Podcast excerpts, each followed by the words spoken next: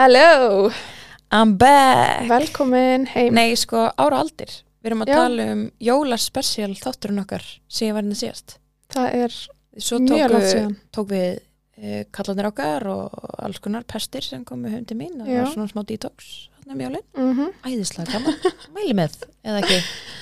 Um, og svo kom ég nei, svo fór ég, kom alls ekki fór ég til Tenerife Bara beint eftir ármótan eila Herjó, bara fórum annan janúar út. Áttum sem sagt að fara í oktober en sögum æðislegs fótbolta sem við elskum öll. elskum hana fótbolta. E, þá þurfti að fresta ferðinni hann að við fórum núna annan janúar og bara lendum í gær.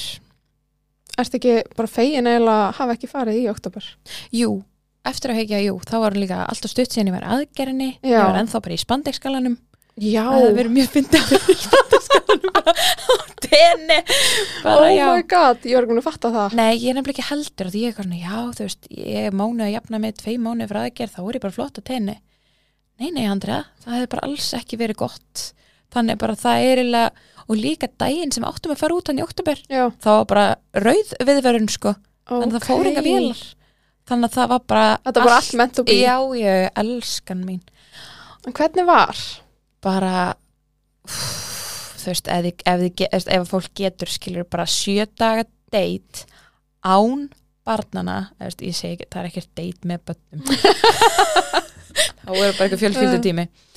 En sjö dagar án þess að hafa börnin ég elska strákunum mína, ekki miskilja en bara rosalega mikilvægt. Já, þetta var líka bara eftir að haukja þú veist, þetta var þeir fóru á hvað leikskóli ágúst og sumari var bara drullu fokking erfitt, ég ætla bara að fá að segja það. Já, þið voru bara harka. Það var bara, þú veist, fótboltinn hann á fullu úti, þú veist, ég var að fljúa þeir voru ekki með leikskóla blás, þeir voru ókslega krefjandi aldri, þú veist ekki farin að tala á fullu, en samt bablandi einhvern veginn, hangandi í manni þú veist, mömmu sjúkir. Og það bara reyndi alveg verulega á sambandið. Bara skiljanlega.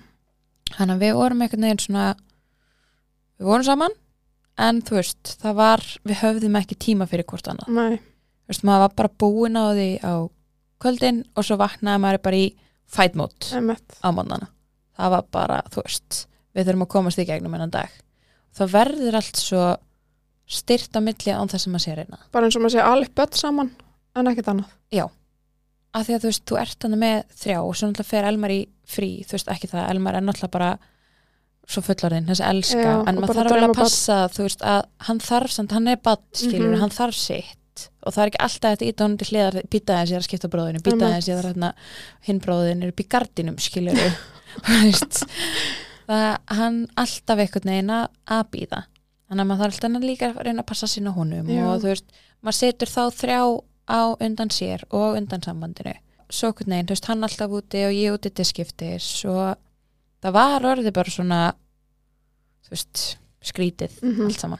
Og eitthvað sem við erum ekki vön. Við Einmitt. vorum bara vön að fara bara óksloft á hótel, út að borða og bíó og bara whatever.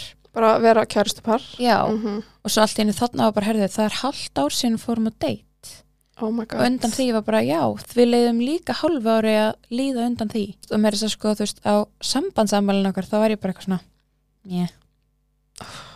Þannig að þú veist sem er ekki ég sem er Nei. ókslega skrítið, skilur við hann að ég bara þakka fyrir að ömmurnar alltaf, og, og afarnir að sjálfsögðu uh, stegu upp og voru búin að segja já við þessu fóreldrafrí að því ég man að í bara fyrir ári síðan þegar ég var að segja þetta við Anton þá náttúrulega var allt í blóma. Já, já, að þú veist, ég bara þá var allt í blóma allt í góðu, þó týpurannir þú veist, eitthvað tíu manna okkar og ég segi, við förum eftir tímabilið í fóreldrafrí hann alveg, veist, við erum ekki að fara að skilja strákana Ég eftir. þessu. já, og ég var bara, hvað meinar? Ég bara, ég er að bjóða þig með mér í fóreldrafrí og þú ert bara nei. Og hann eitthvað svona, veist, já hvað, veist, við, okay, við kannski, mamma er búin að bjóðast til að veist að taka þá heim. Förum í viku með alla og verður svo viku bara ég og þú. Ég eitthvað svona, já, já, það er mögulega hægt en, en samt meikar ekki sens, þú veist, ég er ekki að fara að senda þá heim. Einmitt. Það er, það er svolítið á skrítið. flugvillinu bara bæskunnar, mamma og pappi þurfa að tana þess meira. Hanna mín gangi vel í fluginu. Þannig að ég er mjög fegin að ég náða snúanum að því að við heldur betur þurftum á þess að halda. Er hann ekki bara fegin líka? Jú, jú, jú, núna. En hann spurði mig alveg leiðandi vel Hefur geta verið lengur? Ég held, já, ég veit ekki alveg tvo dæmi Hann bara eitthvað Já, veist, ég sann ég, ég sann eða líka og ég segi, veist, tveir dagar í plús veist, það hefur verið í tíu daga Já, á nýjunda degi væri þetta eitthvað svona sásökafullt já, skilur einmitt. bara gæti ekki meir en ég sagði, þú veist, sjöta er bara flott og ég kom fyrst tilbaka og, og veist, við náðum að vera kærustu par einmitt. við náðum að vera bara ég og hann Það má ekki gleymast. Þú veist, einhvern Það er veginn í bara- daglega amstrið þá verður þetta oft bara svo mikið svona eins og maður sé bara samstarfsfólk. Maður er bara að halda öllum boltum á lofti. Þetta er bara vinna heima. elda- Já, þetta er bara 100% vinna. það er bara, þú ert með þessi verkefni, ég er með þessi verkefni skilur og svo er bara, erum við með þrjá hérna sem það er að sjá um og það er bara ekkert grín Mm þannig að bákvað ég mæli með Já, ég ekki að segja allir þurfa að fyrir sjöta að deyti tenni skilur þú veist það er bara við eigum börn og við erum í vinnum og misjant mamma og þannig pappi að- vorum eftir að koma heima að viku deiti á Kanari. Já, ég er að segja það, þú veist, allir aldur er í Mhm. þessu Ég bara að mæli með, að þú veist tveir dagar upp í eitthvað bústað Já, eða, einmitt. þú veist bara ef þið getið eitthvað þá sjálfsög, samband er bara eitthvað sem það er að vinna í Já, og 100%. það er ekkert hægt að Og það þarf að viðhalda. já. en ég lendi í gær bara hvað um hálf tíu leitið og fatt hann alltaf bara á, á brautinni Anton er að keira og ég bara það er væntalega allt tómt heima Anton Anton bara eitthvað veist, já, væntalega, það er ekki búin að vera þar og, og ég bara elska mín, ég græja þetta Samkaupa appið. heldur betur.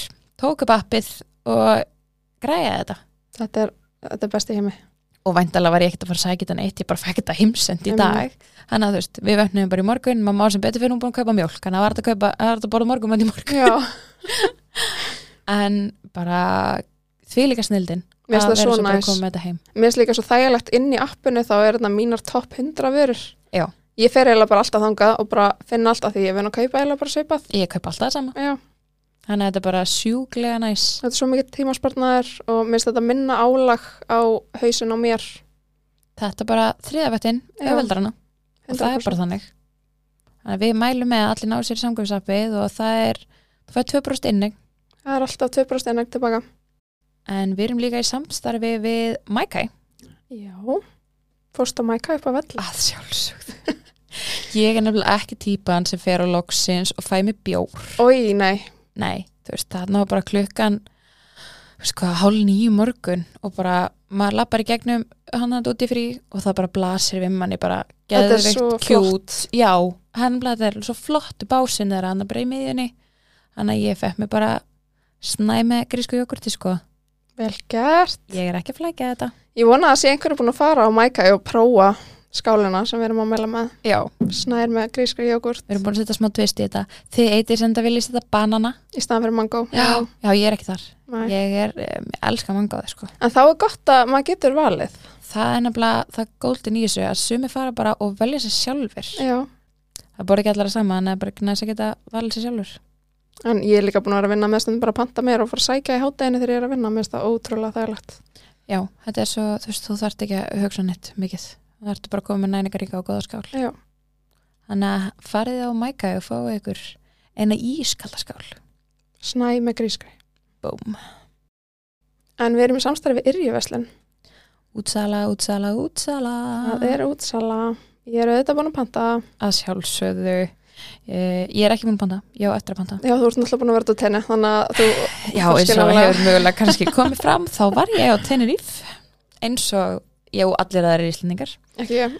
en ég á eftir er, jú, nei, ég á ekki eftir að skoða ég er komin með, ég er búin að skoða Já. gerði það í vinnunni í dag mikið að gera eh, að því ég var svo rættum að fara að missa einhverju að verði uppselt, það er Já. mest ókslega flott að sem þú keftir Já, það er uppselt. því miður upp, emitt uppselt þannig að ég myndi bara hafa hraða hendur að á yrju Heru, já, og Softgallery er að hætta fötin. Þannig að þau eru á útsölu núna og ég held að sé bara eitthvað örfáða flíkar eftir þau eru líka ekki oft útsölu þannig bara bestu fötin og unga böt, sko. run En eitt sem ég var að panta hins vegar sem var ekki útsölu, það er komin ný binksending. Nei, þessi litir, Rakel, Þetta er svo fallegt. mér langar í fleiri liti. Já, ég kefti sko fyrir öll bötum mín Já, Já, bara það var bara einn á línuna. það var einn á línuna og það eru komni nýjir svona, ný hvað kallast þetta? Já, bara svona stút. Stút, já. Já, Þannig að þetta sniðugt. ótrúlega vel fyrir yngri börnin eins og stelpunar, þú veist, þær eru að vera tveggjara og þær eru bara með byggbúrúsuna allan daginn. það er gott ég sé ekki búin að panta því að ég ætla að bæta þessu Já. við. Við mælum með að skoða Bing úrvali hjá þeim því að það er frábært. Bestu brúsunar. Kikið inn á yrjuverslun.is. En uh, við erum hérna væntalega í uh, stúdíu átveitun okkar. Við erum í stúdíu átvitur okkar. Uh, hér er bara þægindi. Það er bara það eindi. Engin helvitis vittleisa þar. Ég sko er að vinna með það að ég náttúrulega er í svona skrifstofinu þannig að ég er aðeins fítnifötum. Um leiðu kem heim það hendi ég mér enn fitnessskalan. Við erum nefnilega í samstarfi við M-Fitness og það er útsalið þeim núna. Það er geggið útsala. Já, með þess að ég er í svona mjög þægilegum æfingaból og sem heitir Tinna og hann er á útsölu núna, það er 40% allir hjá þeim sko. Vá, Jöps, þau eru ekkert, þau eru lítið að grínast þannig í M-Fitness sko.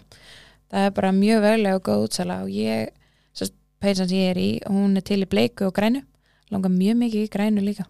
vá, ég myndi að taka bleiku. Já, nei, ég fyrir ekki bleikt. ég veit að þú fer ekki bleikt. Við erum flottar í, í, í því sko. Já, En ég elska þess að, og þetta er líka bara, ég er búin að endalust þessa peysu. það sér ekki á henni. Nei, ég er að segja, ég held að buksunar sem ég er í séu ekki til lengur Já, það er bara svoleiðis. af því að þú veist það er svo ég kefti þær en það er bara, en það sést ekki á þeim þetta er svo Nei. endingagóður og frábæra vörur bara efnið er æðislegt Ég, bara, ég sé það á þeim og það er bara lítið út eins og það séu nýjar sko. ég veit það þannig að kíkiði inn á M-Fitness og það er líka rosalega gott úrval af fötum fyrir krakka Já, mér finnst það geggjað. af því að þú veist þessi krakkar okkar eru bara alltaf að reyfa sig og þannig að það er bara mjög gott fyrir þau líka að vera í endingagóðum og, og mjúkum íþróttafötum. Ég þarf líka að fara að skoða þessa messi fett á minn. E, minn elskar Mercy-bólinn sinn sko. Hann fekk hann í jólagjöf og ég held hann sé búin að fara í hann næstu í daglega. Ég veist að taka hann um daginn og bara ástu mín, það þarf að þrýfa hann núna. og hann bara, já, ok, hvernig verða hann tilbúin? Ég bara, ég veit ekki, ég þarf að þrýfa hann. Dúllin. Já, þannig að fara inn á M-Fitness og skoðið útsöluna og svo náttúrulega líka nýju vörnar og allt hitt sem bara, Það er alltaf eitthvað nýtt. já, En við erum að fá til okkar gæst. heldur betur. Þetta er múslingur. Já, þú þekkir hann aðeins. Já, ég þekki hans til. Þetta er hún Hannabjörg 2, eins og við kallum Já, hana. Ekki þrýbara mamma. hann er tvíbara mamma. Hún er tvíbara mamma og á bara mjög merkilega sögu sem að mér langar að hún segi þér. Já, Svona aðla. Ég Já. veit náttúrulega eitthvað part af henni, en alls ekki allan, en ég er líka rosalega spennt. ég er mjög spennt að heyra sögun hans. Þannig að eigum við ekki bara að fá hann inn til okkar og vinda okkur í þetta. Let's go.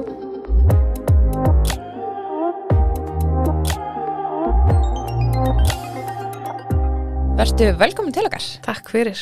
Þú ert Hannabjörg nummið 2. Ég er Hannabjörg nr. 2, Já. svolítið klikkað. Já, það er mikið Ég er maður þess að HBH nr. 2. Já, Nei. þeir eru alveg Ég er sama. og hún er held í Hilmas. Já. Nefnum þú ert með hana aðeins færri börn. Aðeins farið böð. Aðeins. Já, Já. já, já, já. En hlutfallið samt Já, ég ætla að fara að segja bara, þetta er samt ekkert eitthvað mikið öðruvísi. Nei, ég veit ekki, ég hugsa ekki. Viltu segja okkur aðeins frá þér? Já, ég skal gera það. Ég er 38 ára og er úr Mósesbæ. Besta bænum. Besta bænum. Það sem að ég vinn og uh, ólst upp og fer helst bara ekkert út úr bænum. Enda á þarau. algjör óþarfi, allt til staðar. Ég ákvað þegar ég var svona 35 ára að mér langaði í börn. Þá var ég svona til til að nýflutt heim frá bandarækjunum og mér fannst svona svolítið galið að fara inn í samband og segja hæ, við ætlum að fara eignast börn og tíminn, þú veist, tikkar og maður? Já, ógæslega gaman að kynnast þér, nú ætlum við að fara að búið börn. Þannig að ég hérna ákvað bara að gera þetta einu ef ég var ekki komin í samband innan x tíma sem að ég var svo ekki. Þannig að ég fór bara af stað og ætla bara að geima þá magaleitina til að börninu var aðeins stærri Já. Og byrjaði hérna heima og fór í nokkra meðferðir og hætti svo eftir að ég hafi farið skoðun og rannsóknir úti í Gríklandi eins og margar konur fara þar sem að fannst bara einhverju hlutir sem þurfti að laga og, og svo endaði ég sérst að fara í e, fjórar meðferði þar líka og Hvernig meðferðir? e, ég fór í tækni frjókanir þrjár úti, þrjár hérna heima, þrjár úti og svo eina glasa meðferð úti. Er þetta alltaf sama tíma þess að tæknifrökunin er heima og hana úti? Er þetta, er þetta eitthvað búslað saman eða gerir þetta fyrst hérna Ég heima? gerði þetta fyrst hérna heima, Já. alfarið, fór svo út í rannsóknir og kom svo í eina hérna heima að því að, ráðgjafin úti, hún svona benti mér á að það væri kannski betra að gera þetta heima.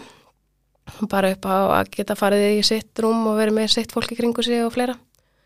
Og þannig ég fór í eina meðferð eftir rannsókninar hérna heima sem gekk ekki og mér svona fjallist aðeins hendur á meðferðinni og samskiptunum í þeirri meðferð, í þessi setni meðferðinni.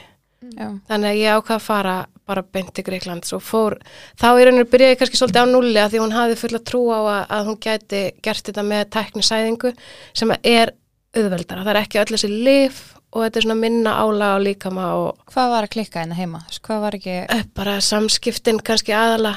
já, Um, ég er svona, maður er að borga mikla peninga fyrir þetta og ég var ekki alveg alltaf til í að gera hlutina bara án þess að vita af hverju maður væri að gera það. já, skil- já.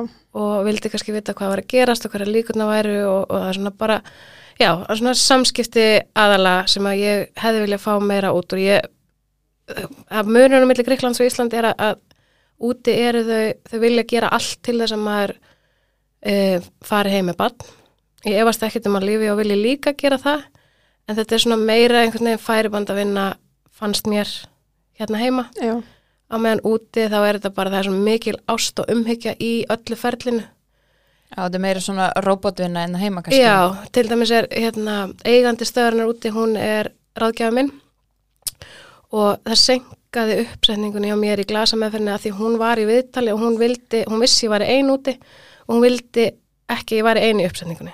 Já, bara mjög fallegt. persónlegt. Já, Já. þannig að ég þurfti bara, að- mér var bara að rúla aftur tilbaka og bara sorry, penni ætlar að vera með þér þannig að við þurfum að býða tíu mínútur. en hvernig valdiru að fara til Greiklands?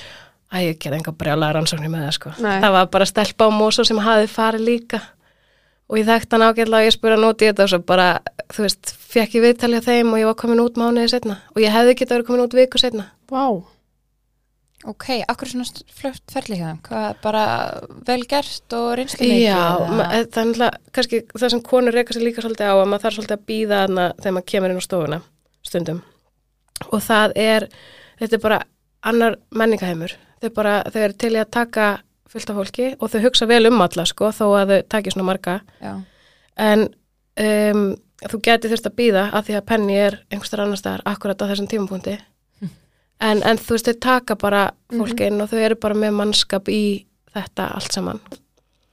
Þannig að en þú, jú, það er þessi menningamunur Ma, maður þarf svolítið, stundum þarf maður að býða já, og stundum eru það seinar í viðtöl og, og svo leiðis en já, nei, það var engin brjálur rannsókn hérna á bakvið hjá mér sko. Bara vissir að þetta ég vissi að þetta væri, já, ég vissi Já. að þetta væri til staðar og ég vissi að þau rannsökuðu meira heldur en hérna heima. Já, maður har heyrt það. Já, og ég vissi, ég hef einhvern veginn alltaf haft á tilfinningun að þetta erði ekki smúð hjá mér okay.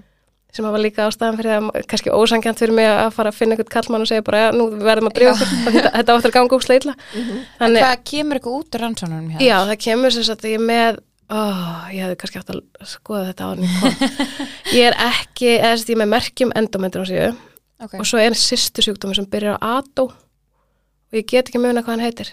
Nei, en hann er sérst ekki ég, að já, brosalegur og endometrisa en hann sé sko meira innanlegs á meðan endometrisa er út um allt, Já, held ég. Já, en semst sami, þetta kalla sýstu sjúkdómur ok. og svo voru blöður ekkastökkum og alls konar sem að uh, ég veit að þeir gera kannski minna í hérna heima. Þannig að það var einhvern veginn svona alls konar sem var ekkert að, já, já, ekki já, með þér í liði Já. allan hana og það var líka sko of þykk leg slímu himna ég vona að koma ekki læknir eftir mér með þetta. En þannig að það var ekki þú veist það var í rauninu ekki möguleiki á að teknisæðingin myndi virka. Já, ok, um, eins og hérna heima í fyrstu þrejum skiptunum. Mann finnst bara smá magnað svona að horfa á þetta utanfrá að það sé ekki búið að aðtöða þetta allt áður en maður er sendur í fyllt af meðferðin. Já, mér finnst það líka sko að því að ég þú veist, ég hef haft þetta á tilfinningunni ég sagði það upp átt Já, en ég var bara á þung um, og ég var svolítið gömul. Já, Já. en úti þá er ég baby. Já, og þú veist, jú, jú, ég er á þungin ég hef alltaf verið eins og ég er. Og Já. ég æfi fimm sinni í viku og ég er íþórtafræðingur og, og er þjálfari og það er ekki það er ekki máli það er ekki Nei, málið sko. Nákvæmlega. en það var bara auðvitað ekki verið að hlusta á þig? Nei, og það var svolítið bara, nei, talvan segir þessa smá. Veist, og og þau vinna eftir einhverjum sæniskum reglugerðum held ég já, sem bara lífi og er. Já, og uh, já, það er svona er, þetta er frábært fyrirtæki fyrir þá sem að allt gengur smúð og vel hjá. Já. Og einhverjir sem eru bara eftir tölvunni. já, það koma vissilega börn frá lífi og sko. Já, já, já, en um, já, svona eins og kalla mann gamlan þannig að þú veist, að þau- neita að taka ákveðin aldur að þá verður sko tölfræðin betri hjá þeim.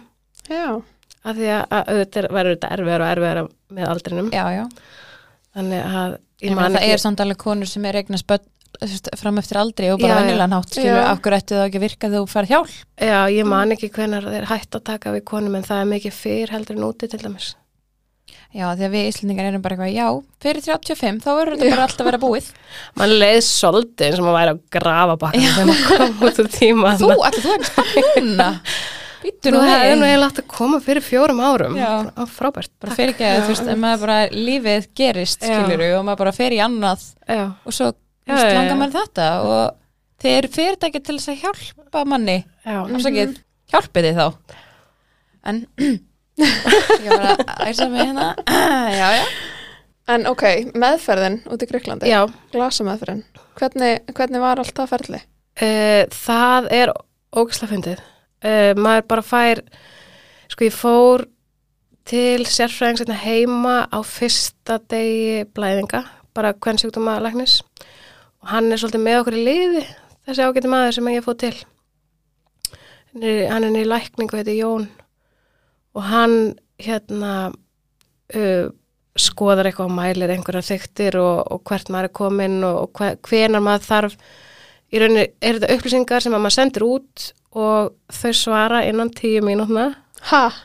ólíkt öðrum fyrirtækjum hérna heima Tíu mínúna Já, Er bara eitthvað bara Vá. við klárum við skjáin Já. bara það er bara magnað svartíminn þarna Sæt. og þau svara bara, þú veist, innan tímina og s- bara þú þarfst að vera komin út á þessum tíma og þessum tíma eða þá þú þarfst að fara í skoðan aftur eftir þrjá daga og sendir okkur niðurstöðna þá. En sérst við þessa skoðun þá fær maður uh, bara plan, lifjaplan og maður getur bara sótt lifin í rauninni í apotekina heima, þau lif sem eru til og ef ekki að þá getur maður yfirlega fengið einhver lif sem að virka líka. Já, eitthvað svona samhita Já, og þau bara hjálpa manni með það bæði í apotekinu og úti á stofunni. En þau sérst svara mjög rætt, þannig að þetta er mjög auðvelt að eiga samskipt við þau. Og síðan bara mæti maður út og ég til dæmis byrjaði að sprauta með daginn sem ég var að ferðast, sem að mér varst svolítið óþægilegt, að því ég hafði aldrei gert þetta, en svo bara röð tilvíluna þá gekk þetta ógæsla vel. Það voru íslenska stelpur í íbúðinni sem að höfðu óskað eftir að fá að vera hana lengur hjá mér, að því það senkaði eitthvað hjá þeim blæðingarnar þannig að þær þurfti að vera lengur úti. Já, og íbúðin var stór. Og ég kem hann inn og bara ótrúlega gaman að kynnast ykkur en ég þarf að byrja hérna á að sprauta mig og rífa upp bólinn og, og fer að gera eitthvað. Og hún eitthvað hefur gert það þar? Nei, aldrei.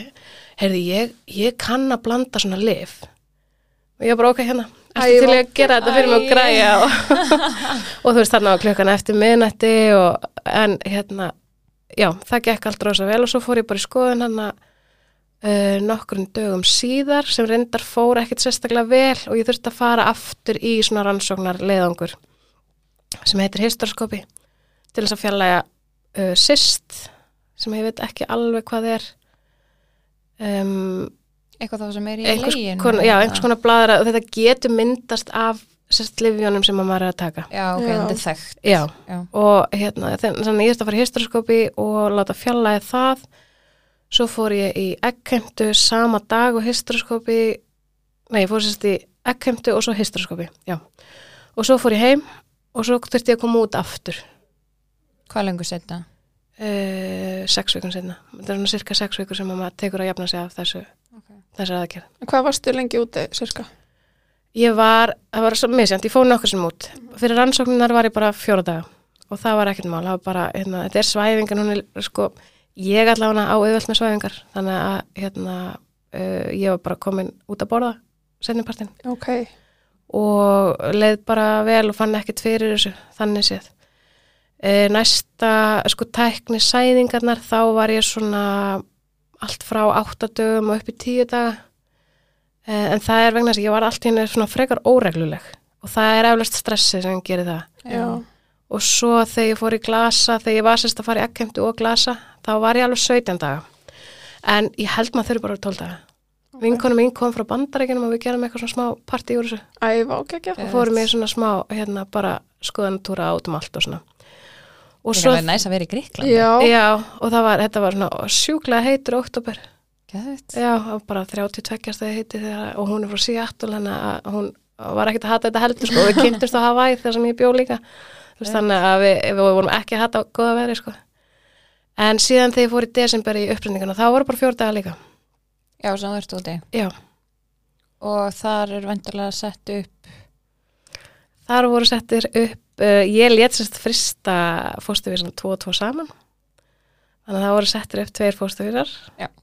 sex vikum eftir hysteroskopi þar sem að leið er undirbúið og allt gert fullkomið Bara reyður gerði. Já, í rauninni og svo fór ég í þessa hérna, upprendingu og Penny var hjá mér og, og svo, svo er maður látin liggja í 30 myndir, ég veit náttúrulega ekki hvernig það er eftir glasa með fyrir hérna heima, en ég mátti aldrei liggja eftir tæknisæðingarna hérna heima, Nei, ok. Ég það átti var bara Afrakakk og út.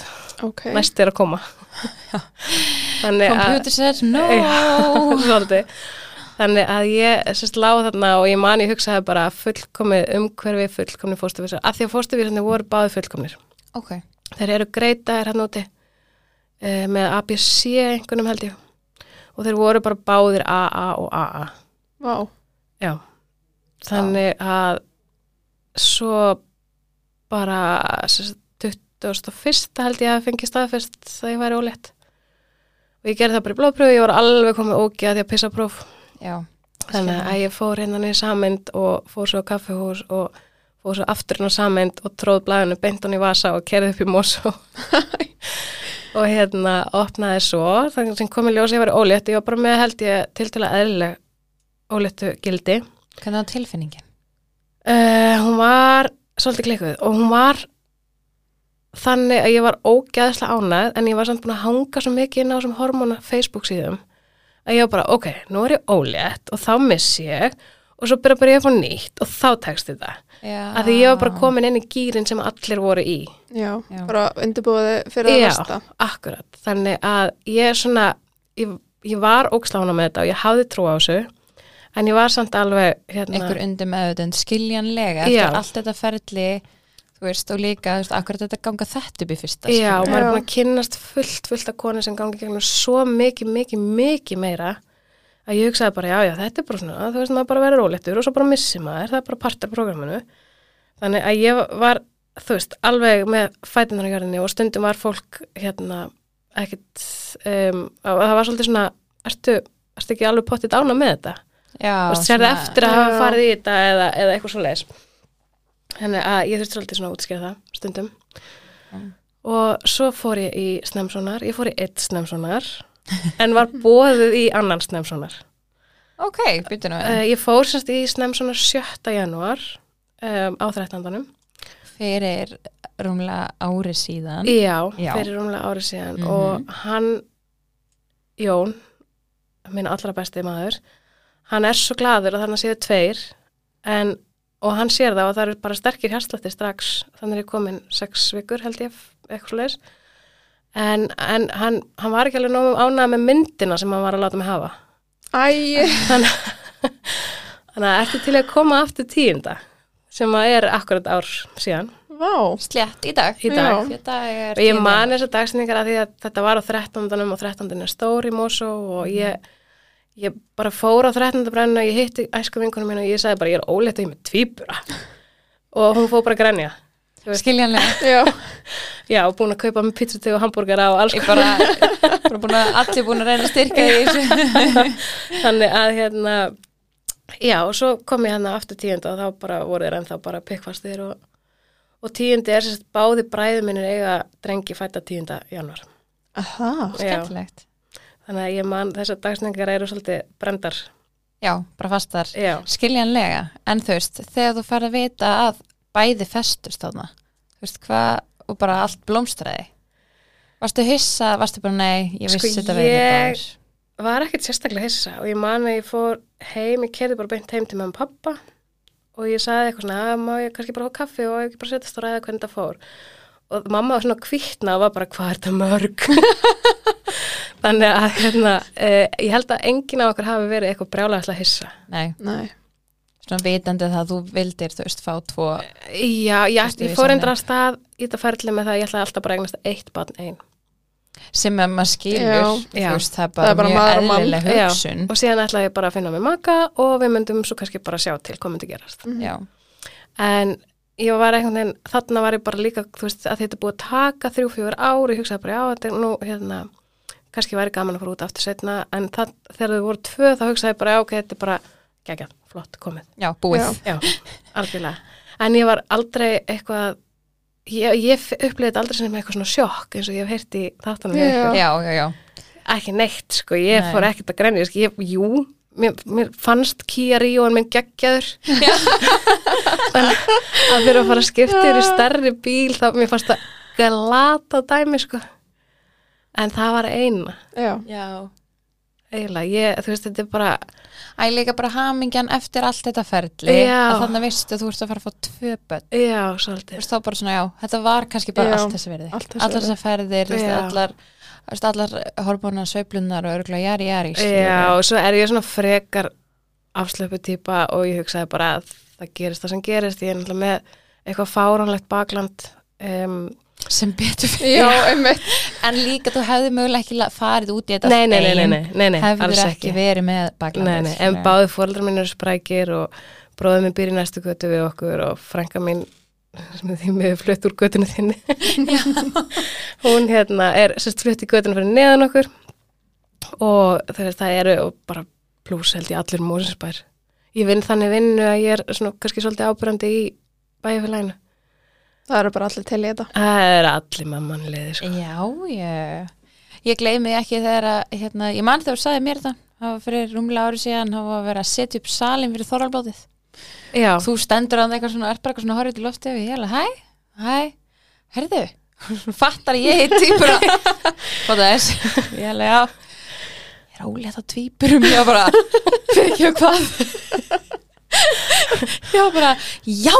Aha sem betur fer var ég ekki farin inn í erfiðasta tímabili Já, tvíburum, já, ég bara, þetta er æðislegt núna myndinni segja við bara bara haldið fasti run for your life nei, mér varst þetta mjög spennandi Já, og mér fannst þetta allan tíma spennandi. Ég upplýði aldrei eitthvað svona fokk hvað er ég búin að koma mér út í. Aldrei. hvernig gekk meðgangan? Hún gekk rosa vel. Ég ætlaði að vera ólétt í 100 ári, ég sagði öllum það sem vildi heyra. Oh my god. Ég bara, hérna, ég, ég var að vinna og ég fór bara í sumafrí svo ég geti aðeins, hérna, svona aðeins ég geti á sumafrí mitt sem ég samnaði svolítið vel upp undan farin ár.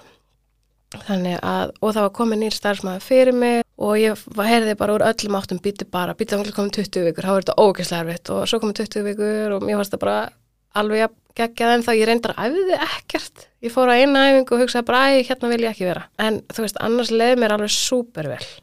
Ég var þreytt, ég var ógeðslega þreytt. Já, já, já, en Ég- það bara, sem, ég ætla bara rétt að vona það. Já, já, Ég Það held er að sé ekki það bara allar. Nei, ég vissi ekki að vera hægt að sofa 16 klukkutíma bara streyt og vera svo bara, ég er bara svo þreytt. Ég ætla að leggja mig. Já, og ég hérna, fann rosa sterk að lykta mat sem var svolítið erfitt svona beint eftir jólin Já, að ég var að taka afganga, þú veist, úr fram með pappa og eitthvað svona og svo bara þegar leiði kom fram heima þá var ég bara, ú, og mér varst hann ekkit vond, hún bara einhvern veginn fór alla leið upp í heila.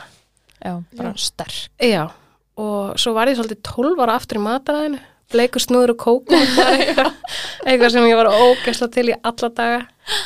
En uh, ég eldaði held ég aldrei á meðgangunni bara að því, að ég, veist, fann ógæsla mikla lykt en Bara langa ekki mat. eða- þar gæti ég bara, já, þar gæti ég bara gengið inn hjá einhverjum og borðað mat, veist, það var ekkit, það var aldrei vesen, sko. Nei. og já, og svo bara, já, hún gekk eins og ég segi, bara súper vel og ég sagði alla að ég ætlaði að vera ólítið 100 ár Og fegst að vita kynið á meðgangunni. Ég fekk að vita kynið og það var eitt af því sem ég hef held, sko, að ég var svona súper opinn með allt ferlið. Það vissu, þú veist, þú varst ekkit svo eina sem fegst að vita þetta, hann á þorrablóðsteinu. Þú veist, svo kom bara þorrablóðið og þá voru allir bara, hvernig, hvernig, hvernig gekka því að vissu allir ég væri úti. Já. Og ég bara, já, ég er ólitt. Ég ég er með tvíbura.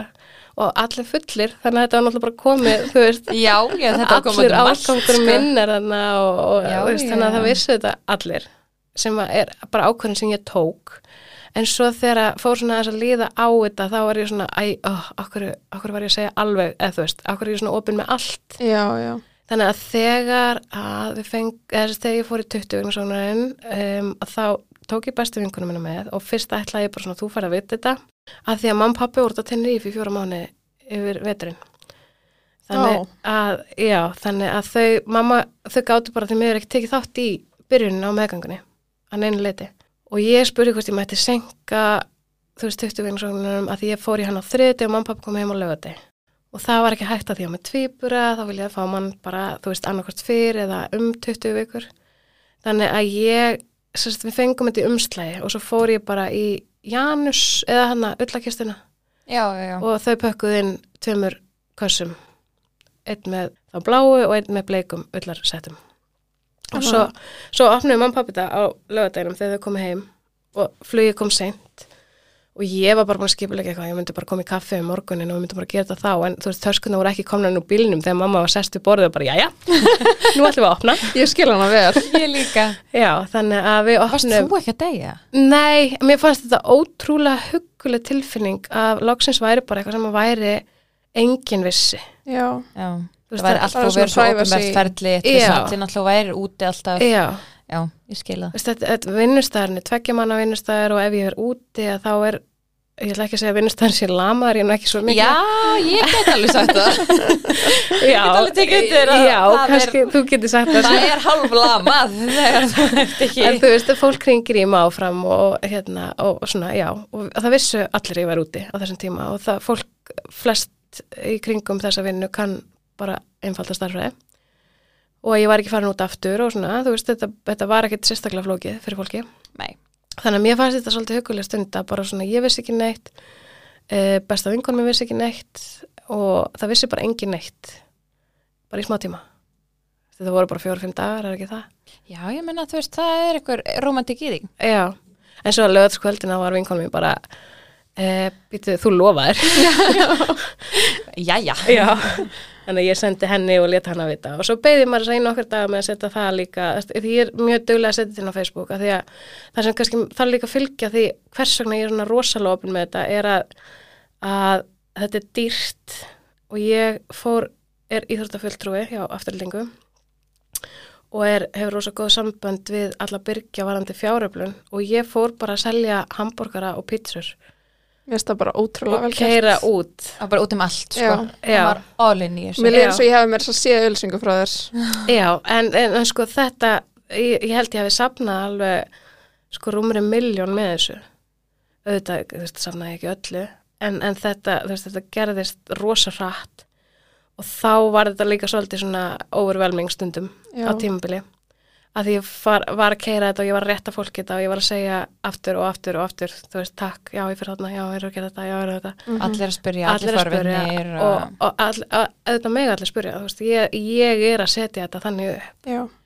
já, mér fannst ég kannski, ég, ég ætla ekki að segja skulda því fólk á að segja, nei, þú skuldar ekki neitt en mér, mér fannst ég skulda að fólk fengi að vera svolítið, þú veist, að eiga a- allir, allir í Mósbæ eiga þessi börn Þú veist, ég á ekki þessi börn eins sko.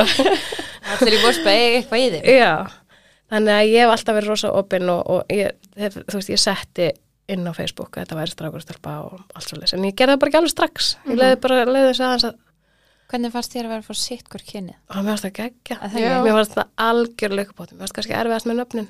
Já, en mér fannst þetta, þetta var algjört látt á sko. Já.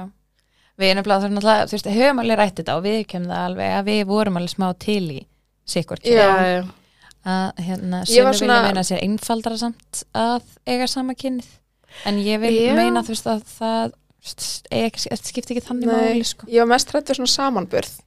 já, já, já, Svo mikið verið að bera saman eða það er tvær stelpur eða tvær strákar en kannski minna það sér hvort, Eh. en ég veit það ekki. Nei, Nei, ekki, ekki, eða þú veist, ég er alveg í vandræðum með þetta því að hann fæðist stærri já, og, hún, og hann fæðist sprækur, hún fæðist minni og fæðist dösuð og þau eru svolítið þannig ennþá.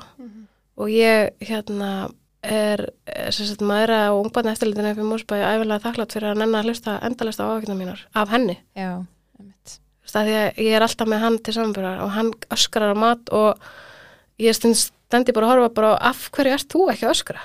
Já, Þú átt að vera jafn svöng. Já, er eitthvað að þér eða þú veist þannig að ég held að þú setja þetta ekki eins sko. nei, Ég mínar eru líka svona ólíkar, sko. Já, En við erum í samstarfi við White Noise á Íslandi Herru, ég er með smá fréttir. Do tell Það er að koma risastór áfylling á hjálpartyrnana. Það veitir ekki af Þeir eru búin að vera bara uppseldir, bara hver forböndin á fætur annari. Ég er bara, ég er með þess að búin að fá spurningar út hvernig það er koma þannig að það er mjög gott að vera að koma svör við því Já, þeir eru í forsölu eins og er og sendingin lendir á mándaginn, 15. janúar. Eins og þið vitið þá elsku við þessa hjálpartörnar notum þá bara ekkert smá mikið Og Og- geti ég vil hann er búin að vera mikið uppseldu líka. eins og við tölum um heila tvennan Já, og það er að koma áfylling af honum líka. og við minnum á undirmannaði með D gefur ykkur 10% afslátt Þannig að hendi ykkur inn á veitnáðis. En ef við komum að því já, hvenar, þú veist, þannig lók meðgöngunar, nú ætlum ég ekki að spoila neitt fyrir Nei. því ég lega þér að segja þetta bara hvað hvernig endar þessi drauma, drauma meðgönga eins og ætlaði alltaf að vera óldi í ég ætla 100 ár? 100 ár. Uh, hún endaði ekki nógu vel. Ég hérna var komin 32 vikur og 2 daga og ætlaði bara að halda áfram með rólegt og fór að bara að sofa og var búin að kaupa með á fótballaleik daginn eftir og, og vaknaði klokkan fjögur bara við einhvern smell. Bara, eh, ótrúlega skrítið að lýsa þessu. Ég bara, ég bara vaknaði. Og þetta var ekki eitthvað svona í rumskaði heldur ég bara vaknaði og þá var ég sérst að missa vatnið Ég var ekki með að fara í skoðun síðan í lók mæ, átti skoðun í vikuna eftir. Hvað mánu eru þarna? Uh, þetta er í byrjun júli, þetta er 7. júli. Ah, Sko meðgangan hafi gengið svo vel. Ég var ekki með, veist, ég vissi ekki hvað ég átti að gera, en ég var með símanúmeri niður á deild.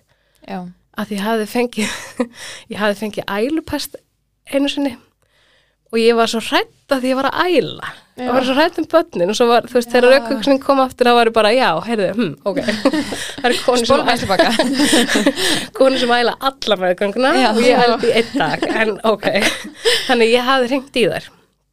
Og þær hefði svarað mér og, og krútlegar, þá var ég bara komin 22 vikur og hérna, það var, ég fór ekkert niður til enn eitt svo leis, en þannig ég var með símanum, er inn í símanum og ég hringdi og þær báði mig bara um að koma um að leggjast í gólfið og koma með sjúkrabíl og ringja sjúkrabíl. Sem ég gerði og fór niður eftir og þau bara var ekkert Kemur bara sjúkrabíl, þau bara endalega koma upp til þín eða byrja í blokk Ég bý í blokk. já, og þeir stoppa sko, þetta er svona nýtískuleg ný U-blokk, þar sem að maður keirir vanalegin á bílaplanið, sérst að aftana blokkinni, en þeir stoppa framann, það er yngangra framann líka, þannig ég heyri í þeim. Þannig að var ég nýbyrjuð að þurfa að sofa með opin gluggan. Það var kannski það sem ég var mest ólétt.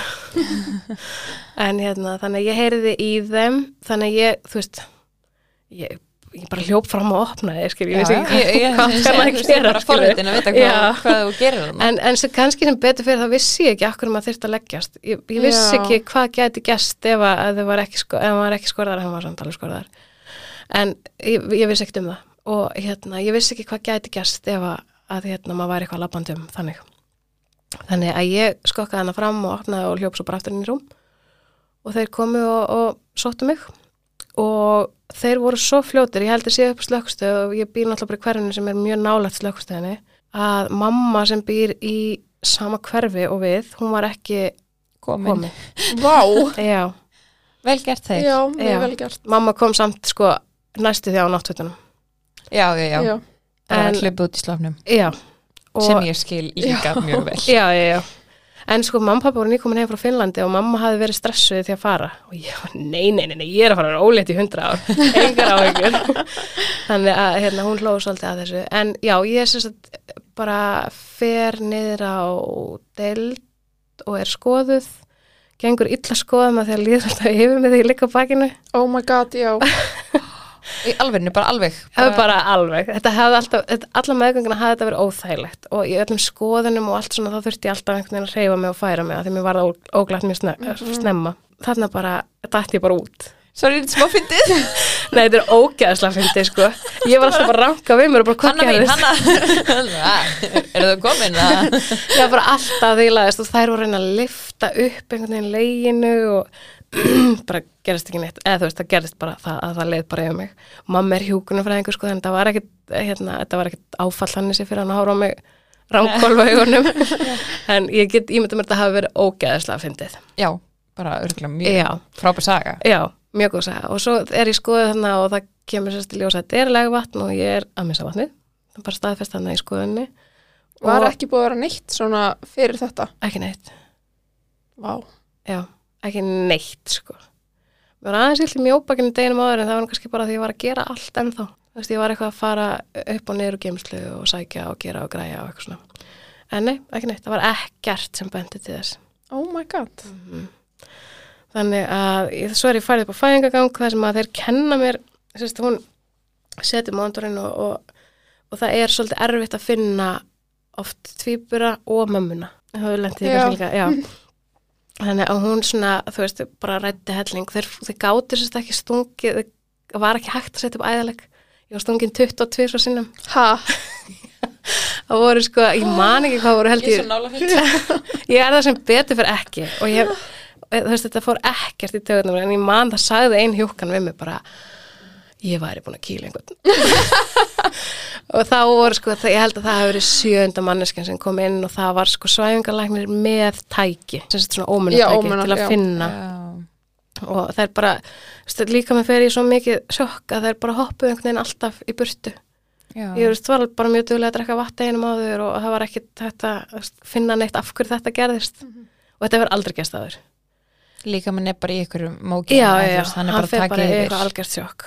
En þarna sem sagt, sínaður mér hvenar ég með hríðar eða samdrætti, ekki hríðar held ég, ég með samdrætti. Og svona segja þetta er A og þetta er B og þetta er þú og þetta er samdrætti þegar fara yfir 20 og, og hérna, og síðan var ég að horfa að fara svona upp í 50, 60, kannski 2-3 svar og þarna fæ ég styrasprötu og ég fæ drip og ég fæ útskýringu á dripinu svona sett stopp dripinu að þeir ætla að reyna að stöða mig þannig ég nái allan að setja styrasprötunni svo er ég klára ég, þetta, þetta, hvort þetta var þetta er mjög stutt, aðeins lengra og svo er þetta sólarhengstrip þetta er 3 myndur, 15 myndur og 24 klukkstundar eitthvað slags og ég fæ bara fyrsta þarna uppi og svo er ég svo sett upp næsta og ég færð aftur á það sem ég held að heiti sængurlegu. Já, sængulega. Einn niður, eina hæð niður. Já. Já, það er sangluðu og þar á ég bara að vera og bara fá drippið og fæ að vita meira setna Kvíla þig, já, vantala sett við þig. Já. Hjúkvæmsæðingur og e, þetta er sérst fyrsti dagurinn í allt sumar það sem kemur sól og Nei. mamma mín er rosa stóran og fallega garð og ég hugsaði bara ég er að halda henni hérna inni. Æi, og það er sól. En hérna hún var ekki að hugsa Nei, það. alls ekki. ég held hún að hugsa þetta er barna barna ég 8 og krakki. 9 og eitthvað svona. Bara, nei nei, hún var alveg til í að vera en eh, sem sagt, þá förum við niður þá er klukkan kortur í þrjú og það er vaktaskiptið hann klukkan þrjú. Stelpan sem er að klára segir bara já, hérna, þegar þetta klárast þá færðu nýtt strax. Og svo kemur einhver inn klukkan hálf fjögur og þá er drippi búið og mamma var alltaf að dingla að því hún sá alveg að drippi var búið. Eh, það er kannski ekki hjúgrunarfræðing til að sjá það en Nei. hérna hún við erum alltaf að dingla og það kemur loksins einhver ágætt stúlka þarna inn sem að er alltaf að býða eftir að fá að vita frá sérfræðingi hvað hann á að gera. Já. ég er komið með verki þarna og það er, ég er eitthvað svona bara bíómyndarlega að horfa á klukkuna. Ég er bara, á, það er alltaf gert í bíómyndum að horfa á klukkuna og, og telja svona milli. Mm þannig ég gerði það og segi við hann að ég sé með þessa verki. Og hún er alltaf, nei, nei, hérna þeir, þeir, þeir, þeir, þú sér það hérna þú ert ekki með verki eða veist, þetta er ekki þetta kemur ekki inn á móndurinn og ég er bara svona, já, en ég er samt með verki og, og, eitthvað svona, hún var alltaf að reyna að færa þetta eitthvað fram og tilbaka. Eh, ég tala bara íslensku, en hún gerði það semst ekki. En það er ekki hægt að kenna því um. Ég bjóði bandarækinu mörg ár og hún talaði mjög góða ensku. Þannig að en þetta gekk á svona til klukkan sjö líklega. Og ekki búið að setja nýtt ekki búið að setja nýtt drip upp. Hún alltaf einhvern veginn uh, nei, nei, þú ert ekki með neinaverki og eitthvað svona, þangað til að að mamma sérst fyrir og sækir að borða fyrir okkur og kemur tilbaka og þá er ég bara eldröði framann og, og bara líður ekki vel og, Og þú ætlaðir að vera ólítið í hundra Ég ætla að vera ólítið sko. hundra ár. Ég fæ alltaf mjög slæma túrurki. Ég hugsa bara, þetta er bara eins og slæmi túrurki. Þetta er bara ekkert mál, ég get alveg verið með þetta í einn dag. Mm -hmm. Ég fæ slæma túrurki marga daga. Bara svona, já, já, ok, þetta er ekki, fyrst að þetta sést ekki á móntornum, þá, þá er ég ekki að. En svo fer ég hann að kvæsa þegar mamma kemur tilbaka. Og ég kvæsi á þessa ágætu stúlku. Og hún kallar að sér frá eng sem að bara, hérna, ætlar að leggja á bakið. Oh my god. Nei, það líður yfir þessu. Það er ekki búið að skrifa það. sem að betur fyrir var mamma komin aftur. Þannig að hún stoppaði það. Og við erum eitthvað að reyna þú veist, bögrast við að skoða mig á hlið og eitthvað svona hérna, og hún bara svona, já nei það er ekkert að skoða þetta er bara belgurkollur og þannig að ég er komin í mjög virka fæðingu á sængulegunni En þú var samt bara þokkulega andað í gegnum þessa verki verið já, já, sko. já, já, eins og ég segi ég er hérna mjög góð í, í verkjum. En ég var, jú, jú, ég var að anda menn ég var samt alveg að anda mig í gegnum það. Já, að undir já, þegar ég kvæsti á hana þá var ég alveg, þú veist, ég, ég, Það gerði, varstu komið hríðar. ég gerði allt sem bíómyndin, bíómyndinar höfðu sýnt sko. Já, þannig að, hérna, já, þá var ég líklega bara komið hríðar, að því að svo bara fer ég í það er bara eitt af okkur neðanhapp og ég fer í liftinni upp. Svo er ég bara komin inn og ég fæ gasið og svo gasið tekið að mér og ég má íta Oh my god. Já, það var bara í rauninni hérna sagt að ég mætti bara byrja að íta og ég held að ég sé komin upp 2042 og A kemur í heiminn 2101 og B 2123. Vá. ok Já. En þá byrja partíið sko. Já, Að því að fylgjuna komu ekki, naflastrenginni ripnuðu oh my god Hæ? og það var eitthvað svona algjört panikaninni og mér fannst þetta svo fyndið að því það var allir svo miklu paniki og ég horfði bara á mömmu og mamma var ekkert stressu og ég hugsaði bara hvað er það ekki fáðu ekki ógstlega mikið borga fyrir þetta að hafa gert þetta í hundra ár? Okkur er allir svona stressaðir? Hvað er vökudeildin eða hvað? já og hérna svo sérst, endar það þannig að það er alltaf að rúla mér inn á skurðstofu en gleyma og það er útskýra fyrir mig bara að við þurfum að, að þarst að fara inn á skurðstofu þurfum að svæfa, þurfum að skafa út að því fylgjunar er ekki að koma. Ekkert máli til í þetta. E, nema þær gleyma að taka stóðina niður. Nei. er að rúla mér út og þær rúla mér aftur og aftur og aftur. Og ég sé bara mamma stendur og það er bara ha? svo er bara einn sem stoppar og er bara, heyrðu stelpur inn með hana, stóðin hana og út aftur. Og svo er þetta svolítið svona bíómyndamóment að, þú veist að, og síðast sem ég heyri hún er að henn, henn er að blæða allt úr hættu út, hún er að vera mjög föl. Og svo ertu bara átt Oh og my svo er ég God. átt, Ferðu átt sjálf eða ertu svæfð? ég svæfð Já, þetta var ekki, það var ekki líðið við nei, nei, nei, nei en þarna kemur sér vel að vera svona frekar uh, slög típa Já. Já, ég trúi því 100%. Sérstaklega þú ert bara eitthvað fyrir ekki, eru þið ekki í vinnunni? Já. og þú ert nýbúin eignast tvö bönn við og ekki alveg er að gera en þarna svo, svo- í rauninni kemur í ljós að vegna þess að það hafði ekki verið hlustað á mig á sængulegunni að þá var, þau voru ekkit undirbúin undir að fá mig. Ok. þau vissu ekkert, það átt að reyna að stoppa mig allavega þennan dag. Og það er svona eftir að hafa talað við landsbytalan þá, þá upplifi ég svolítið svona að þau fæðingarlegnir mér var ekki á vakt. Þú veist, hún kemur heima frá sér. Um, og ég man eftir því ögnablikki svolítið.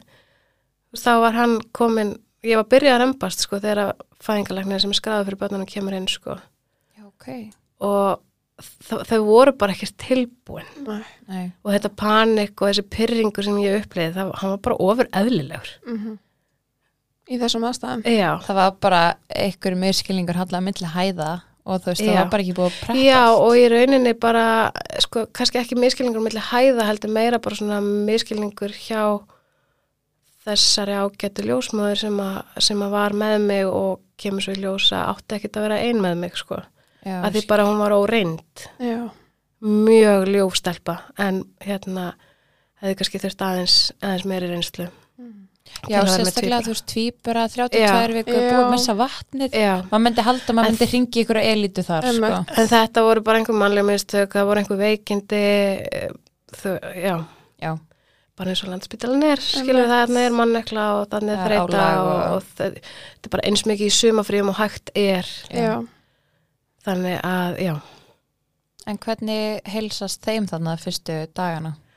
Uh, þeim heilsast rosalega vel, þau braggast óbúslega vel, ég sé, ég semst, ég vakna svo og mér er svo rúlað til þeirra, upp til þeirra, ef ég semst fer fyrst aðeins upp og jafna mig og fæ að borða og eitthvað svona, Já, vöknun, já, og svo fer ég upp til þeirra og fæ að liggja hjá þeim alveg í, ég held að ég hef ekki verið fann í rúmið, eða semst í rúmið, ég lá allan tíman í rúminu, en ég held ég hef ekki verið komin inn á stofu aftur fyrir bara fjögur, hálf, fimm um nóttina.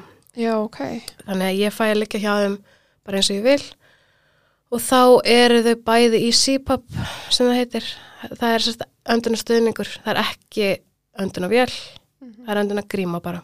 já, Og þegar ég kem niður, eða upp, það er upp, þegar maður er að fara á vökudeldina, að þegar ég kem upp á vökudeldina daginn eftir, bara um 11 leitið, að þá er hann ekki með neitt, vá, en hún er ennþá með CPAP og er með það í smá tíma. Eða hvort að hann var á hæflói, maður þetta ekki alveg. Já. Jú, hann var líklega hæflói í nokkra daga. já, en allavega samt, þú veist, þetta er 32 vikur, þú færnar einni Já. stærðspröytu, Já, veist, en það það var reynda ro rosa gott að heyra í síðasta þætti að ein styrasprauta er bara gætna nóg. Já, já, já, já, já, eftir 32 vikur. já, En hérna, jú, og, og það líka að komast 32 vikur er rosa gott. já, leiðast komið 32 vikur, þá ertu bara ættur að vera nokkuð góld sko, já, já. já, já, En hún þurfti aðeins, hún hafði hann ekkert eh, vaxið í einhverja sex vikur í maðanum og fættist dösuð og þurfti bara aðeins meira aðstöð. hvað fættistu stór? Hún var 1480 gram og hann var 1762 gram Já, og Tiny. 42 og 44 cm algjör smjörlíki sko bara og, og þú veist hún var bara í einhverju svona að því hún var alltaf einhvern veginn í bolta undir rifbeinna mér já, og hún var bara í þannig svona einhvern svona rækjustellingu bara í marga daga. Marga bara, vikur jáfnvel sko. já, bara leiði vel kannski þannig að fá að vera svolítið já, hrjúfið upp við sjálfa sig, Já. já, þannig að já og þau stóðu sig ótrúlega vel og það var í rauninni það kemur hérna uh, það átti sér að sína með já, en uh, það náttúrulega gerist aldrei. En það kom samt til mín læknir og sagði þú veist, þú ert að fara að vera hérna í fjóra til sjö vikur þetta er fara að gerast og þetta er fara að gerast og þetta er fara að gerast og þetta er fara að gerast. Og nefndi alls konar hluti sem gerast gætnan fyrir börn á þessum tíma. Hann var á mörkunum á gulu nokkru sinum, tvisvar held ég. Fór í kassa einu sinni. Uh, hún reyndar var með eitthvað svona smá súrumnistrama í smá tíma. Já, var svona falla niður Já, og- sem senkaði meðal annars heimförum eina viku á einu tímapunkti og svona. já, En annað var það eiginlega ekki. Það bara, ég veist, ég man ekki eftir neinu. og minnst það svo magnað Já, 32 vikur, mann finnst að vera Já. svo mér finnst með- meðganga bara eitthvað nýbyrja Já. sko. já. þannig að bara, já, En þau voru, já, þú veist, og þau voru pingu lítil. Ég hef aldrei séð svona lítil börn eða haldið á svona lítil börnum og ég vissi ekkert hvað ég var að gera, sko. Þannig að þau voru vissulega rosalega lítil. hvernig er þú veist að upplifa sig hann á vöku Fyrstu dagana þegar þau voru, ói, svo feina ég kom á eftir henni, já, sem var síðast að því hún útskýrði það svo vel. Sko fyrstu dagarnir þá voru þau á í ein- einhvers konar hágæslu. Þá fór ég bara niður og ég settist bara í stólinn eins og prinsessa og mér voru bara rétt bönnin og ég var upplýst um hvað hafði gerst og hvað hafði, þú veist hvernig þau staðið sig. Og ég fór alltaf bara tilbaka og leið ofsalega vel. Svo var ég útskrifuð sem er annar brandari ég var útskrifuð rosalega lág í blóði. Og þá fer ég heim og það var svolítið skrítið að fara frá þeim. Já, en samaskapi ég er heima í tvo daga og svo segjaði mér að ég þessi tilbúið fyrir mig fjölskyldaherbyggi og það var líka rosa óþægilegt. Af því þá hugsaði ég er þið að fara að senda mig heim í næstu viku með smjöleikin mín? Já, sem ég kann ekkert á af því að veist það vantaði fannst mér þú veist það, það, það er sko allra besta fólk í heiminu sem vinnur á vökutild Mhm. og þetta er alveg fáranlegt hvernig þau ná að sapna saman bara besta fólki á Íslandi til þess að vinna einni deilt á landsbytarnum vinna þarna. Já, ég er svo sammála. Algjörlega. Að, en það vantaði kannski og kannski var það mannekla vegna sumafrís eða eitthvað, ég veit það ekki. Það vantaði svolítið, þú veist, hvað er búið að segja henni og hvað er svo að fara að gerast? Já, Já, hvað Hvað er búið að kenna henni líka? Já. já, að því mér var oft sagt eitthvað og svo bara, já, heyrðu, það er bara fjölskyldherbyggja, það er bara til og þú bara gistir hann í nótt. Og svo kom ég og þá bara svona, já, ætlar ekki að fara að gista með börnin með þér allan tíman hinum einn og ég þannig eitthvað með 91 í hemoglóbin og bara stóðu alltaf undir sjálfum mér. Þannig ég þurfti svona aðeins að frekjast og vera leðileg og, og hérna en það gekk bara, þú veist, það skilduð allir. Það skildu allir, ég gæti ekki verið ein með börnin hann til að byrja með. Og hún alltaf einhverjum æfingadýfingum og þú veist, alltaf að pípa eins og og þessi fyrirbyrða hljóð, þetta er náttúrulega galið sko, hún hneggjaði. Nei, hann, hún jarmaði og hann hneggjaði þetta var svo dýragarur stundum. Og þú veist, hvað, ma, þú veist ma, maður sefur ekkert með þetta og nýbúin að missa allt þetta blóð og ég misti mikið blóð. Hvernig varstu eftir þetta? Bara gekkið, mér leiði ógislega vel. Ég var bara eignast börn og bara ógislega til í Og lífi reyns alltaf nú já, en hefðir ekki átt að fá blóðgjöf ég fekk blóðgjöf. Já, já, ég ok. fekk þrjá reyningar sko. Ok, um, en ég hefði þurft að fá játgjöf Já. líka. Og ég fekk hana svo þegar einhvern tíman hérna þegar e, það kom upp eitthvað svona ég átti að taka næsta skref og vera með þau inni hjá mér allan sólurengin og ég, ég bara fekk algjört meldán þegar einn, einn hjúgrunfræðingur kom inn og hún svona, já, heyrðu, já, ok, hún er kannski ekki alveg tilbúin í þetta en hún er líka svolítið grá já, Hún er föl í Það framann ertu kannski að fara í blóðpröfu. Þannig að þá fór ég í blóðpröfu og þá var bakka með allt og ég var aldrei með börnin hjá mér allan sólarhengin á vökudeildinni ok sem að ég held að sé ekkert verra þannig séð sko. Nei. Þær voru svo mikið eitthvað svona já, verður að undirbúa þegar þú kemur heim og ég bara, þú veist, ég hef aldrei fengið en undirbúning að ég gengið fulla meðgangu. Ég þarf ekkert undirbúning undir börnin mín. Já, Ég þarf aftur að máta að kvíla mig svolítið já, og ég þarf að vakna á þryggja tíma fresti til að pumpa. Þú veist, þannig að hérna, ég get ekki gert allt nei og e, mamma mín er dásamleg og var hjá mér allan tíman en hún gisti samt ekki hjá mér á vökudelinni það er ekki hægt að gera þær kröfur til 72 ára gamalla móður sinnar að hún gisti á vökudelinni með manni.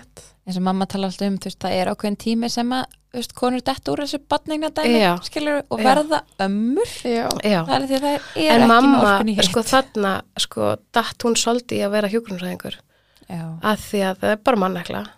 Og það var ógeðslega mikið að gera í sumar.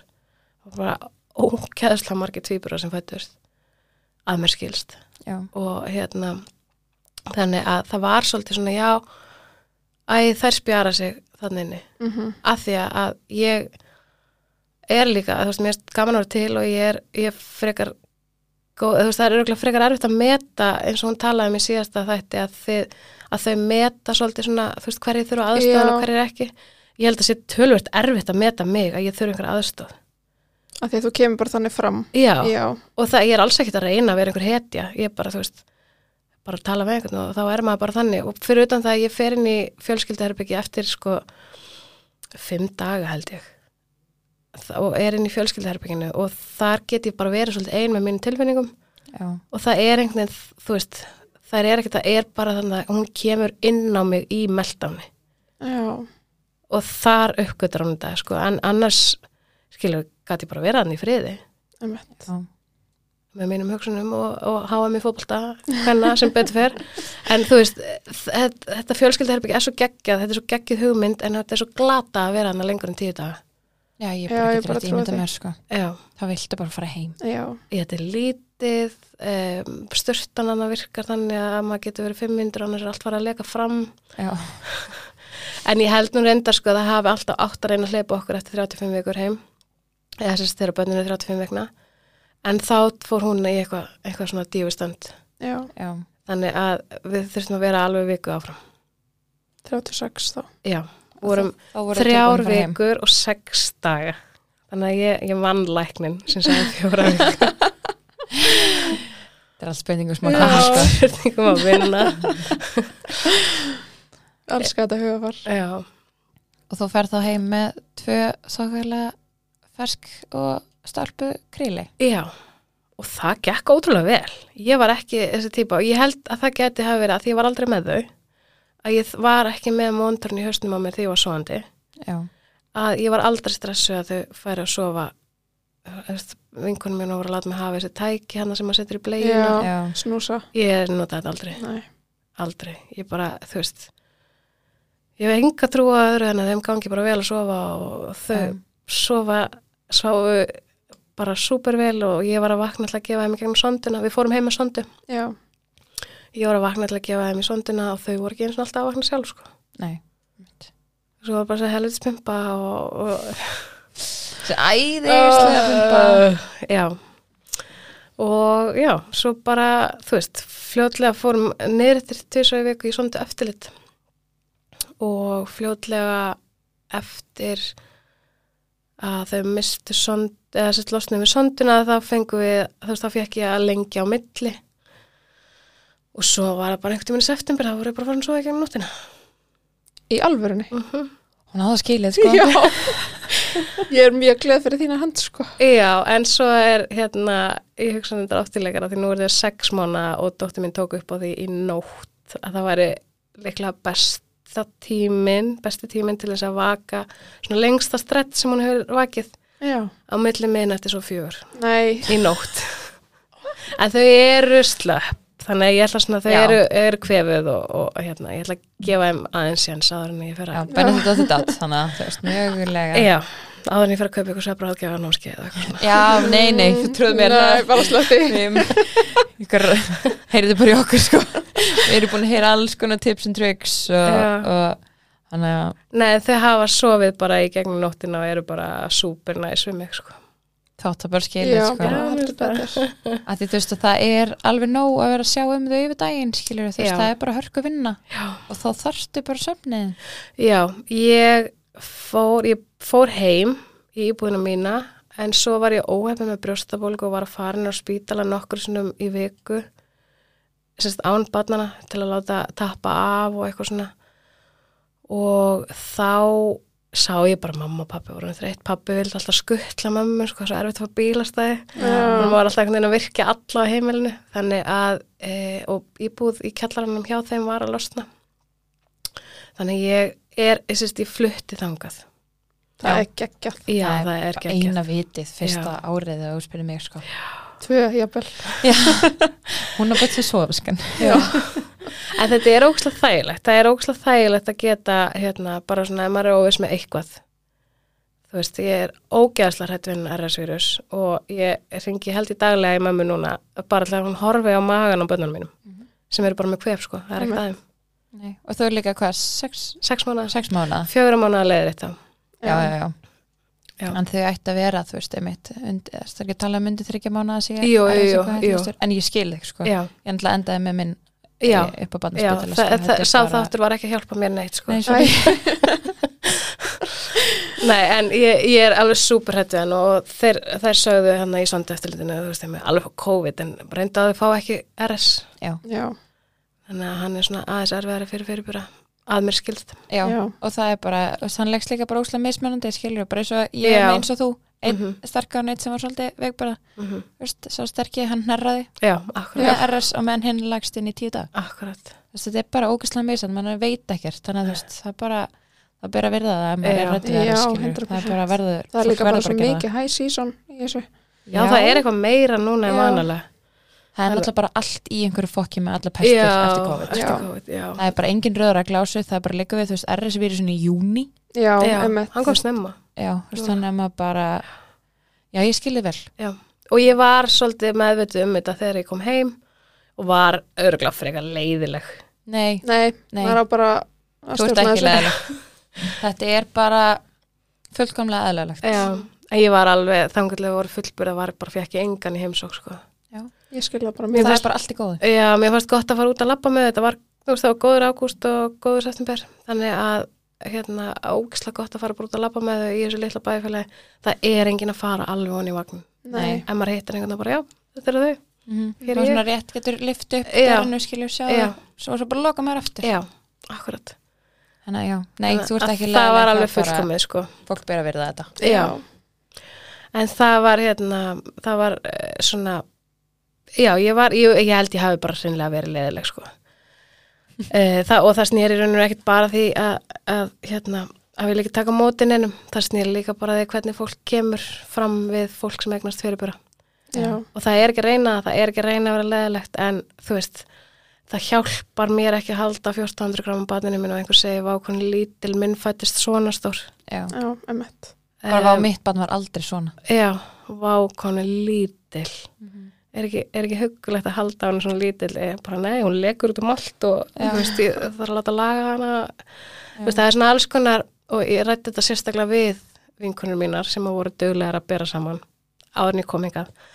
Að því ég ætlaði ekki að hérna, Það er ekki fá, að því ég vil heldur ekki að fólk sé að segja eitthvað sorry, ég saði þetta, því að fólk veit bara ekki betur. Nei, nákvæmlega. Nei. og, og það er ég ekki var ekki að segja neitt skilur, Nei.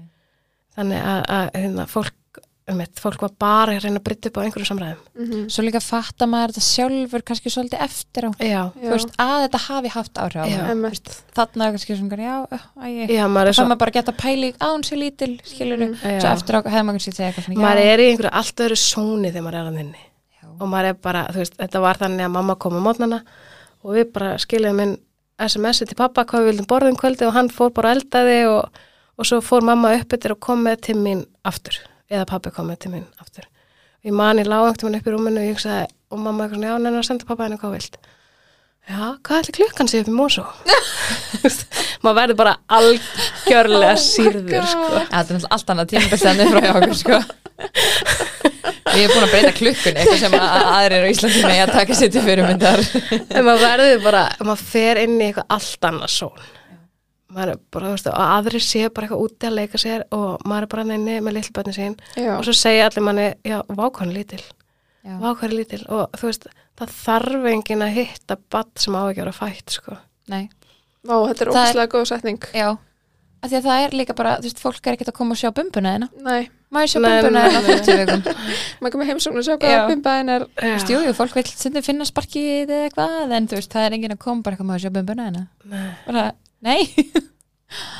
og þau, þú veist, þau, eins og þau segja þau, þau, þau verða lítil áfram Já, Já. minnst þau reyndur orðin risastór núna en þú veist alveg upsætt. En þau eru það, Já. þau eru búin að braggast bara sjúklega vel já, og þau bara, þú veist, algjörlega ég sé bara nýlega myndir og það er bara ekkert fyrirbörulegt.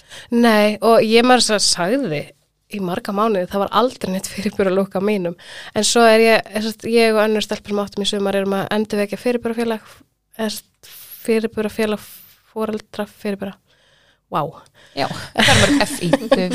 en já, við sérst erum að endurvekja það. Og ég var að skoða einhverja myndir sem við getum nota þegar við vorum búið til Instagram og eitthvað svona. Og þá var ég bara, já, ok, ég hef sérst búin að alltaf halda því fram að sé ekkert fyrirbúra lúka bönnunum mínum, en það er bara alveg rosalega mikið, eða þú veist, það var ekki rosalega mikið en hann var alveg eins og gammal kall Næ, skilur, þú að sást bara- fæðast á 30 annar. Já. þetta voru náttúrulega og eru fallegustu börn sem að hafa verið fætt og þau voru mjög falleg með að við að vera fyrirbúrar Já, að því að fyrirbúrar er ekkert alltaf fallegir. Bara börn sem er að fæðast. fullbúrða börn er ekkert alltaf falleg heldur en þú veist, þegar þú ert fyrirbúrar þá er húðinni glær einhvern veginn og, og þú veist, Já. beinin Já. standa út og augun standa út og þetta stendur allt út og eitthvað svona en þau, þau voru rosalega falleg og það var kannski það sem að var svolítið svona og eru en þá, en það var, þú veist, ég sá aldrei þetta fyrirbúrarlúk á meðan Já, já, Já, kannski svona eftir á svona sérðu Já, eitthvað. skoða Að þú myndir. að pæli því. Já, kannski síður með hana sem ég skil samt ekki að því hún er minni en hann var svona aðeins Já. aðeins fyrirbúrlegur eru þau komið nöfn? Já, þau, ég er búin að búin í vandrækina svo lengi að ég, þau voru komin upp sko í babysjárveislunni sem að ég skiplaði Ok, ég elsku þetta. ég er alveg það amerísk sko um, hann heiti Baltasar Bjarkan og hún heiti Sunneva Kristín og ég er ótrúlega ánað með nöfnin en ég er líka ótrúlega ánað að hafa verið búin að ákveða því mér fannst rosa gott að koma nýra á vökudeld og segja þeim hvað börnum mín hétu. Já, Ég trúi þannig að þau væri ekki alltaf upp á töflu sem A og B eða stúlka og drengur hönnubörn eða eitthvað. Þannig að mér fannst þetta rosa gott og ég tengdist þeim betur svona held ég. Og ég er ekki frá því, eða þú veist, ég veit ekkert um það en ég ætla samt að lega mér að halda það að sko starfsfólki tengdist þeim betur líka. Já, ekki bara þessi A og B Þetta sem er persónulegra. Ég, ég held að þetta sé alveg rétt Já, mér fannst að starfsfólki náttúrulega eins og höfum rætt er ótrúlegt en þau bara hugsa um þeim sem sín eigin barn í rauninni Já. og að heyra einhvern, þú veist, tala við þau sem Sunneva og Baltasar. já, Mér finnst það skipta, mér fannst það skipta miklu máli þannig. já, ég trúi því bara vel Mm En viltu segja okkur eitthvað frá þessu félagi? Ef það er einhver hérna Já, endilega. Uh, við erum þetta búin að vera í rosa góðu jólafríi, báðar með börn, veikbörn. Um, þetta, þetta er endar mjög fyndið að hérna, ég hitti þessa stelpu sem heitir Steinun að því hún hefði verið óska eftir einhverju uh, sem einhverju svona dælum og einhverju dótari sem ég var hægt að nota frá vökutild og ég bara sendi henni skilabóð og sagði, ég skal koma með þetta bara á barnaspítala, ég er að fara í skoðun þarna og, hérna, og eða ég var ekkert að fara í skoðun, ég var bara, ég er að fara í bæin, ég skal bara rúla þessu við og ef þú get komið niður og sótt þetta, þá verður það geggjað. Og svo lappar hann út og ég sé bara á henni að hún þarf kaffibóla. Ég segi svona, heyrðu, í næstu viku þarf ég að koma með krakkana bara í fyrirbúru eftirlit, eigum að setjast að fá okkur kaffibóla. Og hún bara, já. Æ. Og þegar að það samtal var búið, þess, þú veist, þessi kaffibóli og margir aðrir, að þá voru við báðar bara, okkur leið svo vel, að þetta var einhvern veginn svona á allt öðru leveli að tala við einhvern sem hefur lendið í þessu. þessu skilur Já. Já. Tengja. að því það er alveg hægt að tala um þetta þú veist, það vilja allir vinni minn hlusta á mig og allt svona en það skilur þetta enginn fannst mér, þannig ég nefndi aldrei að tala um þetta og þannig að við ákvæmum að endurvekja þetta félag og það, ég var búin að finna þetta félag vegna þess að svo sem hafði stofnað 2008, hún var með mömmu minni í líðhelsunámi félagið og heimasíðan er stofnuð sem hluti af ná- af náminu á henni. Já. Þannig að ég vissi af þessu strax og mamma hafði í rauninu samband við hann að drífu sem að sá um þetta og spurði bara hérna vantar einhver, einhver sjálfbáðilega og þá eru tvær sem að vilja gætna að rífa þetta í gang. Og hún var svona ótrúlega hafmyggsum með það. Þannig að við erum svona hægt rólega að fara að stað með alls konar jafningastöðning og einhverja svona hittinga bæði með og án batna og viljum líka óbúslega mikið fara bara hérna fá alla. Minn helsti stuðningsmaður til dæmis í þessu ferli er sjálfbúðarlega hjá mér. Já, sem að hérna e, átti batna nákvæmlega saman tíma ég fyrir 26 árum held ég. Vá. Já, og þetta er dásanlega kona, hún er mjög hávær og hérna var meðal annars valin eldhugi Ísland sem daginn. Já, okkar allra besta Gunnarstína okkar allra besta. En þú veist, hún var svo sem að, þú veist, þegar hún sendi mig línu þá var ég til í að spjalla á hana, að því hún hafi lent í þessu. Já. en þetta er samt bara kona sem ég bara vinn fyrir og vinn með og hún vinnur fyrir félagið í sinni frítíma sem verður stundum verið ótrúlegur.